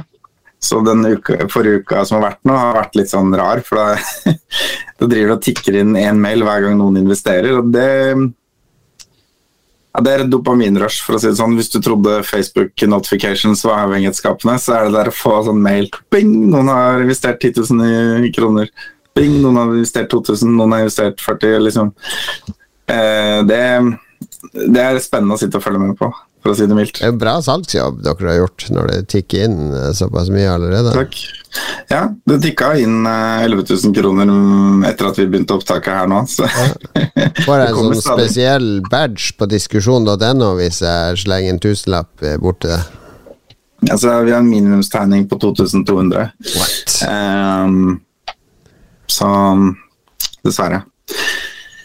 Så det, men ja, igjen, altså jeg bare sier det til folk. Veldig kult om de vil være med og, og hjelpe jobben min og ta verden med storm. Men eh, Mye- ikke Hæ? Like mye, er like mye idealisme å støtte der da, egentlig, som en investering, virker det som. Eh, Det kan du si. Jeg tror jo at enten så feiler vi totalt, og så er aksjen verdiløs, eller så blir den solgt for det dobbelte. Jeg har ikke noe trua på en mellomting, på en måte. um, men eh, men um, ikke invester mer enn du kan tape. Aldri invester mer enn du kan tape. Det er, det er viktig. Gode råd. Nei, er du, eh, nå har du fått plugga det bra. Er det noe mer Skal vi diskutere den nyheten der, Lars? Nei jeg, Hvis, hvis eh, Erling tar av seg headsetet nå, så kan vi snakke helt ærlig om hva vi syns. Nei da. Nei, men jeg skjønner jo godt at de gjør det. og Det, det er jo et ønske om å utvikle seg og, og ta det videre etter en periode. Men er det egentlig litt liksom- rart at for Polaris Media er litt sånn eier? Er det litt som VG skulle gått ut og folkefinansiert vektklubb, eller? De var jo eier før um, Før vi gikk på Folkinvest. Bare Ja, det er er klart. De blei jo med i, i 2020 eller noe sånt. Ja. Eh, og så har de økt andelen sin nå tilsvarende emisjonen. De har på en måte tatt sin del av, av kostnaden. Ja. Um, men det er fordi Polaris har et uh, De har faktisk en egen investeringssjef da, som har som jobb å gå rundt og se etter ting Polaris kan investere i. Så Polaris er faktisk medeiere i Folkinvest òg. Det er en av de første tinga de investerte i. ja. Uh, og de eier noe sånn der strømselskap eller strømapp og noe sånt nå også. Så de har jo liksom gjort en vurdering av vårt firma. da. Og da er det jo både basert på at de tror det blir lønnsomt på sikt, og så er det fordi de som mediehus ser at de har et høl når det kommer til e-sport og gaming.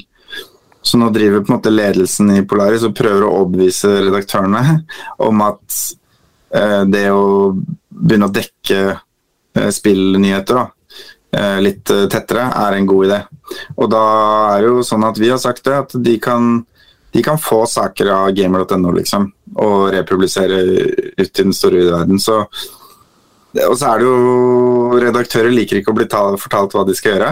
De har den redaksjonelle friheten sin, og den har de jo. De har lov å si nei, på en måte. Men uh, med litt flaks da, så vil det jo bidra til bedre spilldekning, i hvert fall på lokalavisnivå rundt omkring. Det som er litt weird, det er jo historisk, så var vel norske medier mer positive til gaming for lenge siden, på mm. 90- og 2000-tallet, enn de var akkurat nå, av en eller annen grunn. Når de bada i penger, da var de positive til det. Ja, og så ville de nå yngre folk og sånt, og så ja. skjedde det et eller annet hvor både VG og Dagbladet og alle skulle liksom kvitte seg med sin gaminggreie. Men uh, Jeg har en teori om hvorfor det skjedde, men jeg vet ikke om vi har tid til det. ja, du klarer den på et, eh, et halvt minutt. Ja da. Nei, men jeg mener at uh, eh, hvis du skal tro Erik Fossum, da, vår konkurrent og kollega, så, så tjente jo Dagbladet penger på pressfire.no. Altså, de fikk mer inntekter på, på bannerklikk på de nettsidene enn de hadde i kostnader på å drive det. Eh, men det du kaller profittmarginen, altså hvor mye spenn du får inn per krone investert, var lavere enn på andre typer saker som var mer mainstream. Og Det som er så absurd med ting som er børsnotert, er jo at hvis du da kutter de tingene med lav profittmargin, så øker aksjeverdien. Mm. Eh, fordi da har du en teoretisk mulighet for å bare gjøre uendelig mer av det som lønner seg mest, og da blir aksjen enda mer lønnsomt. Det er jo litt bullshit, og det skalerer ikke helt. Um, så ironisk nok så kan du som aksjeselskap ende opp med et lavere overskudd, det er en lavere inntjening, enn hvis du ikke hadde kutta det, men allikevel så øker aksjeverdien. Og dessverre så er det jo sånn at etter aksjeloven, tror jeg, så er på en måte styrene i selskapene de er forplikta til å gjøre sitt ytterste for å øke verdien på aksjen. Da. Eh, så jeg syns jo ikke det er eh, Jeg syns det er litt problematisk at eh, at på en måte norsk presse er så aksjedrevet som den er. For det gjør jo at det holder ikke å være en lønnsom nisje. Du må være mer lønnsom enn Farmen-kjendis, liksom. Ja. Og da, da, blir det vanskelig. Er, er Reitan-filosofien ikke sant på Narvesen kioskene? Det er omsetning per kvadratmeter. Den skal mm. være maksimal. Så når de har produkter som er populære, men små marginer på, og som tar mye plass, så blir de ofra til fordel for pølse og tyggis og mm. alt som uh, det er høyere marginer på, som tar mindre plass. Det, de skulle Narvesen prøvde seg på Ramarom for 20 eh, år siden. Eh, de ja. solgte dataspill på Narvesen. Varte halvannet år fordi det var for små marginer, for lite omsetning per kvadratmeter. Mm. Så du får mer ut av å fylle den hylla med tyggis og ja. Ja. sjokolade? Mm. Hvis vi skal ta på oss uh, spillervinhatten, er det, um, er det e-sportsdelen som vil være mest sånn fremtidsrett elementer i uh, good game. Um, er det Skal vi se, det er events, og det er e-sport, og så er det gamer.no og level up som er liksom pilarene. Uh, Syns det er en fin bukett. Jeg tror e-sport og events er det som uh, har potensial til å bli størst i den buketten uh, events. Der er det Du har noe som heter Spillekspo i Norge, men det er definitivt plass til at noen etablerer uh, en konkurrent eller et alternativ til uh, den type convention. Og det trenger ikke å være bygd over samme lest, men et eller annet som samler communities. Og det er en sånn folkeinvest-kampanje der man allerede samler en masse folk som har troa på dette. Du må jo kunne kanalisere alle disse menneskene og alle disse pengene over i noe som engasjerer det store communityet som, eh, som heier på dette. Ah, deilig. Så får vi jo også betalt av og til for å bare dukke opp på ja. liksom Telia hyra oss inn et år til en messe i Ålesund, der masse forskjellige kabelselskaper og strømleverandører skulle ha liksom, fremtidsretta stand, og så var det en eller annen der som ikke helt visste hva de skulle vise fram, og da kom vi og satte opp Rocket League-spilling, liksom, på messegulvet. Og det også er sånn, Da har jo ikke vi laga vårt eget event eller noe, men det er veldig mange som vil ha innslag av gaming på steder hvor det foregår andre ting. Da. Ja. Så var det heldig at det var i Ålesund, for da når du kom dit og skulle sette opp der bare Å, der kommer Vålerenga-klan. Ja, velkommen her. Skal du ha litt snitter? Skal, du, skal det være litt uh, pølse i brød? Ja, det var åpenbart Leo Ajkic som tok meg imot, men uh... Min Leo Ajkic, det er den eneste paridoen som er nailer, Lars. Det er uh, Det skal ikke være noe pølse i brød. Vi har fått mye kritikk for det på Parido. Ja, vi skal ikke tilbake til Parido. Den blir musikk. Takk for uh, pluggen, Erling. Jeg håper, det, jeg håper, du kan bade i penger som onkel Skrue om noen uker. Ja, jeg kan poste lenker og sånn i gruppa deres og sånn, hvis, det, hvis, jeg får lov til det. Så det er innafor.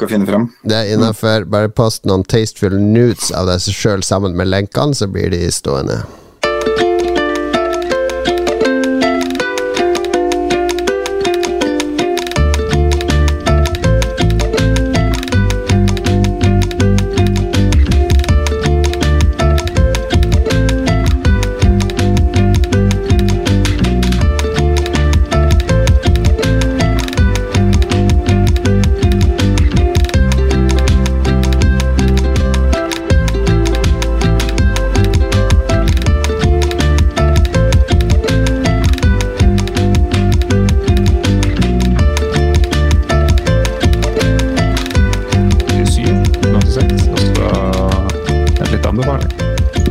Vi er, er, ikke så lenge igjen. Vi skal, uh, vi skal kåre beste spill i 1986, Lars, fordi vi har holdt på i hele høst å kåre beste spill i 1986, Erling. Jeg vet ikke om du har fått det med deg, men vi tar det måned for måned. Mm. så vi, vi, har gått gjennom januar til desember i tolv forskjellige episoder. Fordi alltid når folk skal kåre beste spill i et år, så blir det de samme. De samme sånn seks-syv ja. traverne som kommer opp. Men ved å gå måned for måned, så har vi gravd litt i ganske obskure og rare, men spennende spill. Ja. Uh, og vi sto igjen med én vinner i hver måned. Vi la ut dette på Lolbua Entourage til avstemning. Og der kan vi røpe at uh, by popular vote så er det The Legend of Zelda. Det er det beste spillet fra 1986. Et knallår for Nintendo, da, med Legend of Zelda, Metroid og Castlevania på ett og samme år. Til og med Dragon Quest 1 kom uh, på Nes dette året. Uh, Zelda fikk uh, hard, overraskende hard konkurranse fra Bubble Bobble. Ja, Bubble Bobble ja, er på en close andreplass. Jeg har jo spilt Jeg er jo Altså, jeg nikker jo Erlink fordi Link, liksom. Altså, Selda er en stor del av min gaminghistorikk, men jeg har nok spilt Bubble Bobble mye mer enn jeg har spilt eh, det første Selda-spillet. Mm. Uh, så det er nok uh, Legends of Zelda er nok mer banebrytende og var kanskje bedre da, men hvis du ser, prøver å spille begge spillene nå, så, så vil jeg påstå at Bubble Bobble har holdt seg best. Ja da, jeg, jeg stemte også på Bubble Bubble i den uh, tredjeplassen. Uh, det er flere spill som kjemper om tredjeplassen, men Space Quest 1, Metroid og Arkanoid var alle oppe der og, og, mm. og claima tredjeplassen. Arkanoid har ikke holdt seg sånn Kjempebra. Nei, egentlig ikke. Altså, jeg er litt overraska at Castlevania ikke kom eh, like høyt som de. Det, det duppa øynene der. Så gleder det meg å se at sære spill som Deuce X Machina fra Mel Crowther og Master of Magic på Commodore 64, at uh, vi, har, uh, vi har noen fans som er med og stemmer fram de gamle Commodore 64-klassikerne nå. Det er bare å glede seg, for i neste episode så begynner vi på 1987, Lars. Januar 1987. For et år det blir. Nå Amigaen kommer inn og blomstrer, ikke sant? Så nå blir du mer engasjert. Vi får se Vi er, vi er i halen på Nes. Nes-spillene uh, har liksom uh, Nintendo etablert de nye seriene. Den blomstrer absolutt. Arkadespillene slår fortsatt bra fra seg, men Amigaen kommer, så vi kommer til å høre litt fra den i 1987-sendingen. Jeg lover å nominere Amiga-demo demoer. Det er en annen kåring. De 400 beste demoene fra de 40 siste Det er noen sterke navn i, i 1987 òg, da. Altså ja, ja, ja. Er det lov å, å name-droppe noe? Lov å tise litt. Ja, litt. Både Punch-Out oh. og Selda 2. og Megaman og Final Fantasy. Ja. Mm. Nei, det er, det er sterke Nintendo-spill her òg, så det, ja. det, skal bli gøy å se. Og, og, det som er svakheten med Amiga, Lars, er at det er ganske dårlige spill. Mange av de som du har gode minner til. Så vi får se hva som når opp her. Vi unngikk i hvert fall at Samantha Fox Strip-poker ble beste spill i 1986. Den, den kula dodger elegant når jeg ikke hadde nominert det i den aktuelle måneden, Lars. uh, trist. Trist, trist.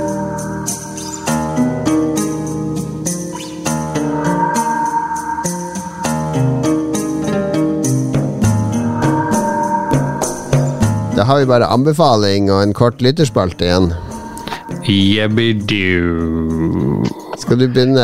Jeg ser at den anbefalinga di, det gidder jeg ikke å høre på engang. Lars, bare begynn. Bare kjør på. Eh, det som var det beste med å være til Finland eh, back in the days, det var å kjøpe sånn ribbe i butikken og ta den med varm hjem i bilen og spise den. Det var sånn krydra på sånn genial måte. Nå har jeg funnet oppfølgeren til det. Det er kylling, grilla kylling. eh, helst fra Stora Coop i Kiruna, eh, som er bare sånn her eh, magisk når du har kjørt i seks timer, og så bare stopper du innom, drar du den inn. Det er noe med å sitte og spise varm mat i bil. Det, er liksom, det skjer veldig sjelden i Nord-Norge, hvor vi ikke har sånn drive-through og, og jeg vet ikke hva man gjør sørpå. hvor man bare... Kan du ikke gå på Meny og kjøpe kyllinglår, liksom? Eh, Fins ikke Meny i Nord-Norge.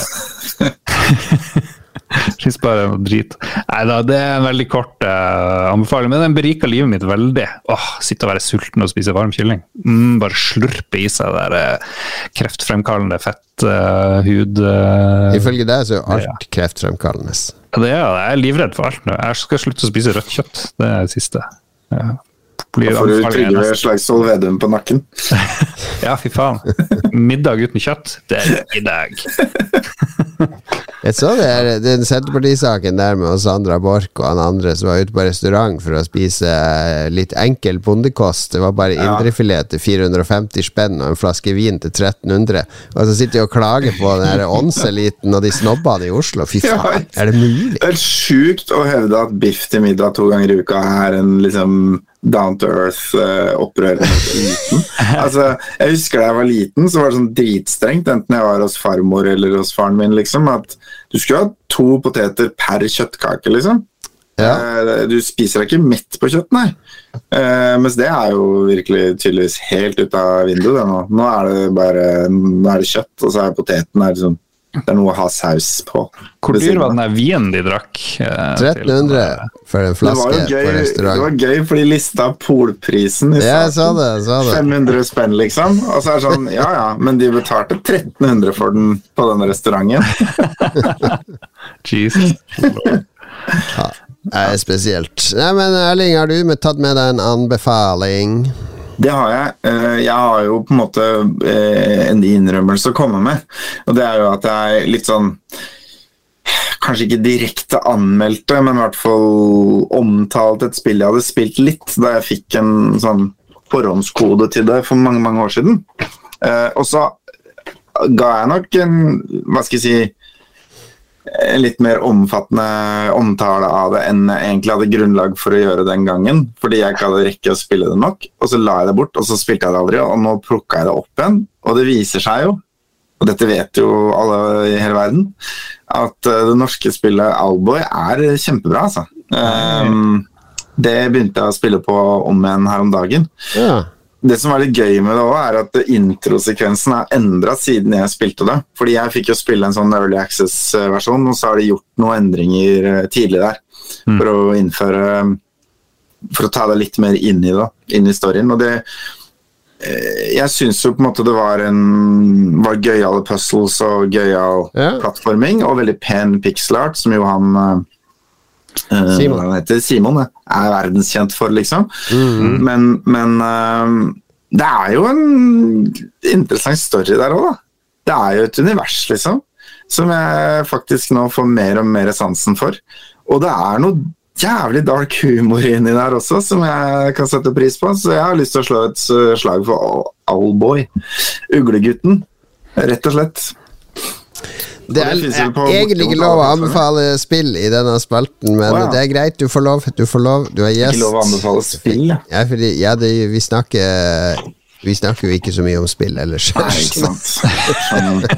Da kan jeg anbefale at kona mi kommer inn med pizza til meg midt i Ja, det er lov å der, ja. Det setter jeg har pris på. Jeg har litt sånn Lars-anbefaling denne gangen òg, fordi den her PC-en som havarerte, sånn ble litt uh, altoppslukende for meg. Så min uh, uh, Men jeg skal anbefale um, noe som er en artig øvelse som jeg har gjort av og til når jeg har uh, kommet hjem fra byen etter et par øl, og så har jeg satt foran PC-en, og så skal jeg, skal jeg spille noe, skal jeg ikke, og så er det Jeg må huske den e-posten jeg skal svare på. Og så et par ganger så har jeg gått inn i det kaninhullet på Gmail, for jeg har hatt den Gmail-kontoen min ja, 20 år over det. Noe sånt. Det er midten av to, 2005 eller noe sånt, tror jeg jeg begynte med den. 2006. Det er ganske lenge siden. Mm. At jeg har gått tilbake helt til starten og sett på de mailene jeg sendte og fikk for, eh, for 15-20 år siden. For det er nesten som en dagbok, i hvert fall for oss som jobber litt med Altså som som har vært, jeg har vært frilanser og har jo gjort mye av kommunikasjonen min har vært over mail på kryss og tvers. Og det er de rareste folka jeg drev og maila med og fronta intervjuer med. Altså Jeg har plutselig sendt inn noen anmeldelser til FOM her, og så kan jeg se hva var det jeg skrev i de anmeldelsene. Så det er en sånn mim mimredagbok som jeg har skrevet. En logg, rett og slett. Jeg vil gjerne ha en AI som kan hente ut alt dette og lage en gigantisk eh, årsdagbøker for meg, med alle highlights fra hvert år. Jeg har en hotmail fra 1999. Ja, nettopp. Um, og der har jeg jo kjærlighetsbrev fra en jente i Danmark. Ja, det har jeg også liggende her, så det er, det er awkward, og så er det litt rart, og det er ting du egentlig aldri oppsøker, så min anbefaling er å eh, gjerne i litt sånn ruspåvirka tilstand gå inn og ta tidsmaskinen tilbake, eh, så langt e-posten tar deg tilbake, og se eh, skoleoppgaver og kollokviegrupper og eh, kollegaer og det annet. Det, det, det er weird. Det er weird å se. Og så sender du alle mail hvor du forteller dem i ruspåvirkas tilstand hvor, hvor stor pris du setter på dem. Ja. Vil bare si takk for at du sendte meg den e-posten i 2005, der du bestilte en anmeldelse av eh, Svampebob. Ja. Jeg tror jeg logga inn på noen sånne hotmail-greier, og så fant jeg ut at alt var borte, liksom. For det har gått altfor lang tid fra uh, forrige gang jeg logga inn, hvis jeg husker rett. ja, det kan hende de rydder, men jeg har jo hatt uh, Klanstyremailen min har gått inn på den hotmailen i alle disse åra, så den er på en måte aktiv og levende. Men den er altså så full av spam at det er helt ubrukelig nå. Ja. Nei, men Sjekk ut gammel mail, sjekk ut Oldboy. Har du en eh, kone eller ektemann eller samboer, så få vedkommende til å servere pizza til deg mens du sitter foran skjermen. Og til slutt, spis kylling i bil. Var det det som var anbefalinga di, Lars? Varm mat. Varm mat i bil.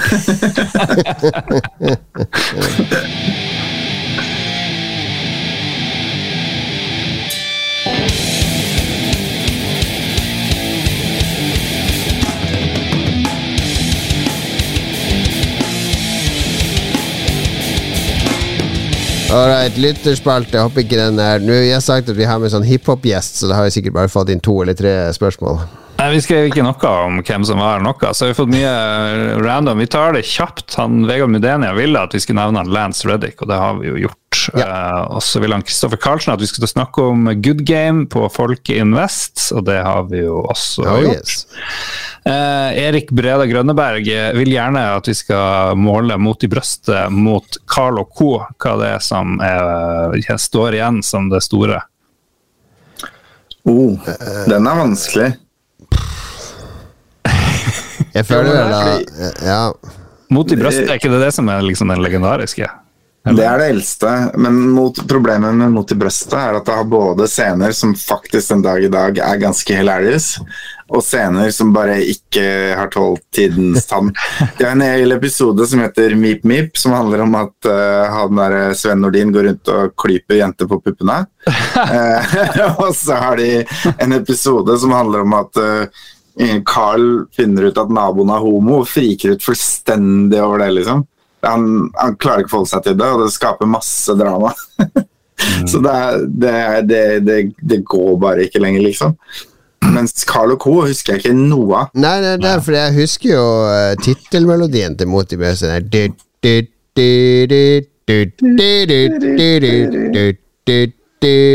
Men Carl og Co.? Aner ikke hva tittelmelodien er. Eneste jeg husker, han er Knut Lystad, som var litt sånn oppskjørta. Harleide Steen, litt sånn uh, sliten vaktmester. Og Carl som ble sint. Og that's it. Jeg kan ikke huske en eneste episode eller plott eller noe, men det husker jeg masse fra Mot i brøstet. Ja. Nei, jeg vil si, Nå er vi tilbake på debatten om minstefelles multiplum her. Ja. Om uh, Mot i brøstet er på en måte Det skiller seg ut begge veier, på godt og vondt. Mens eh, Carl Co. er bare en sånn der grøt av ja. uh, dårlige etterlatte inntrykk. Ståle Balvinson, uh, han som eh, er ute av The Voice nå, uh, han her Hei, dette er Ståle fra The Voice. Når jeg ikke synger på TV, så hører jeg ofte på Lolbua. Min favorittpodkast. Hør på Lolbua du òg, da vel? Så han får hørt mye på Lolbu om dagen, er det det du sier? ja, Altfor mye. Men jeg lurer på, hva er forskjell, Hva er egentlig forskjellen mellom eh, rotting og kritikk? Rotting. Hva er rotting? Det er å rotte seg sammen Ja. mot noe? Ja. Eller Vi er for gamle, tror jeg, for det spørsmålet. rotting? Det er et ord jeg ikke er kjent med, i hvert fall. Nei, det er sikkert noe sånn ragequit-fjås. Så, Ja, det er noe vi går glipp av nå. Nå bare driter vi oss ut her. Um, Stian Mæland lurer på om vi har en konspirasjonsteori som vi oppriktig tror på. F.eks. For eksempel 9-11, inside job, eller månelandinga, eller anbefaler å se den der 9-11-dokumentaren. Det er utrolig underholdende shit på YouTube. Hva den heter for noe? Det tror du på den? de. Nei, jeg tror jo ikke på den, men det er veldig gøy. Det er utrolig gøy. Tror du på klimaendringer, Lars? Nei, nei, nei. nei. Det, det var skikkelig kaldt i går. Da trykker jeg på klimaendringer. Ja, altså jeg har funnet opp min egen eh, konspirasjonsteori relativt nylig. Ja? Vet Altså, jeg, vet jo ikke om det er sant, men jeg bare, jeg bare fikk en dårlig magefølelse da jeg leste nyhetene her om dagen, og de sa på forsida av VG at det var um, en kilde i amerikansk etterretning som hevda at uh, Ukraina sto bak disse gassledningene og eksplodert. Um, og da er det jo på en måte sånn det, i, I alt som har med Russland å gjøre, så er det utrolig store mengder desinformasjon som på en måte flyter rundt. Og så har vi et, eh, et kontor i FBI i New York som spesialiserer seg på eh, såkalt utenlandsk påvirkning på indre affærer i USA. Det var de som fikk saken om å etterforske hvorvidt Trump hadde tatt imot bestikkelser fra Russland og sånn. Eh, De henla jo den saken, men i seinere tid så har jo lederen for det kontoret sjøl blitt eh, enten sikta eller dømt, jeg er litt usikker, for å motta penger fra Russland. Så Ja. det er jo de facto en branch i FBI som har på et eller annet punkt, om ikke alle der, så i hvert fall noen viktige nøkkelpersoner, da, har jobba på vegne av er russerne. vi er i foliehatt-landskap nå Ikke snart. sant? Og når du da sier at liksom Når da kilden er en eller annen i etterretningen i USA, da tenker jeg det er, det er for Det er for lite spesifikt til Ja. å kunne stole på, da.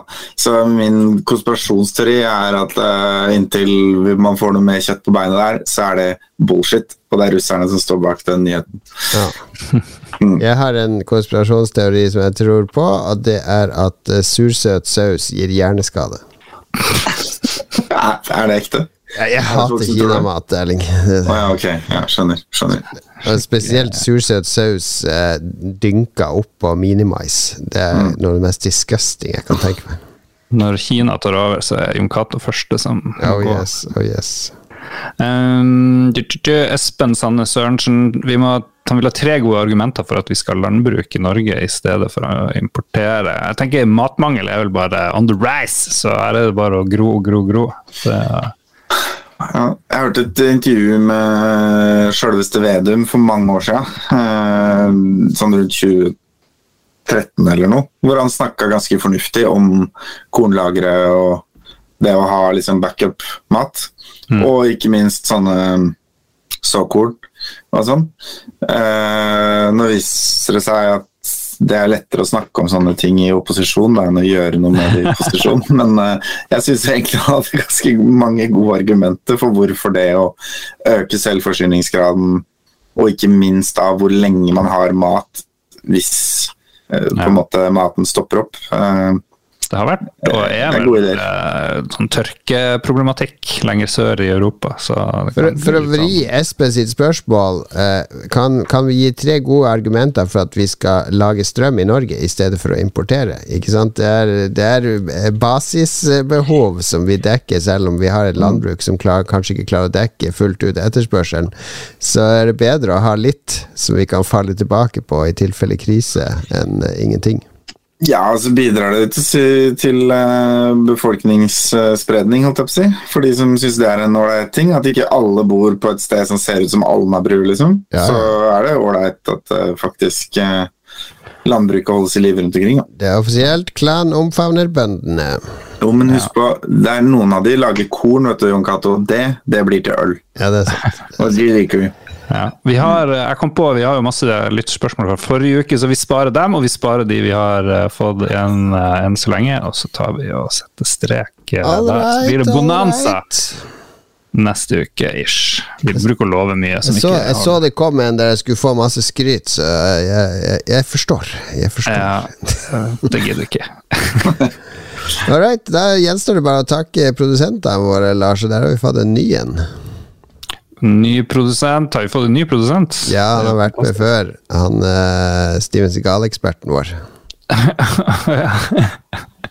Ja, men det er koselig. Ja, Eh, skal vi se. Da må vi først og fremst takke Tete eksempel. Du må takke dem så at du er med i klanen, Lars. Å, herregud. Eh, Hva er hva kamprop? synger de her Du klanene? må synge med magen, og så er det ikke så nøye hva du synger så lenge det er liksom uartikulerte vokaler. Tete eksempel skårer mål. Skårer mål. Eh, og så er vi han Duk, duk, Jarlsberg! Duk, duk, Jarlsberg! Bjøslo knuser bønna. Bjuslo knuser bønna. Tommelun, tommelun, tommelun to Nei, det er vel en feil melodi. Og til slutt Gøran Helge Nilsen, ny på uh, nerdelandslaget, er feil podkast. Uh, Lolbua-landslaget. Velkommen tilbake, Gøran, i uh, varmen. Vi er glad for å ha deg tilbake. Erling, noen siste ord før vi runder av her? Nei eh, Hør på Spillmatic, da vel. Eller sjekk ut eh, de episodene jeg har på nærlandslaget. Hvor jeg går gjennom God of War-storyen. Det, det syns jeg ble ganske bra. Okay. Ja. Mm. Absolutt. Vi kan stille oss bak det. Lars, vi snakkes om en uke. Det gjør vi. Og ikke glem tilkast 27. mai. Yeah.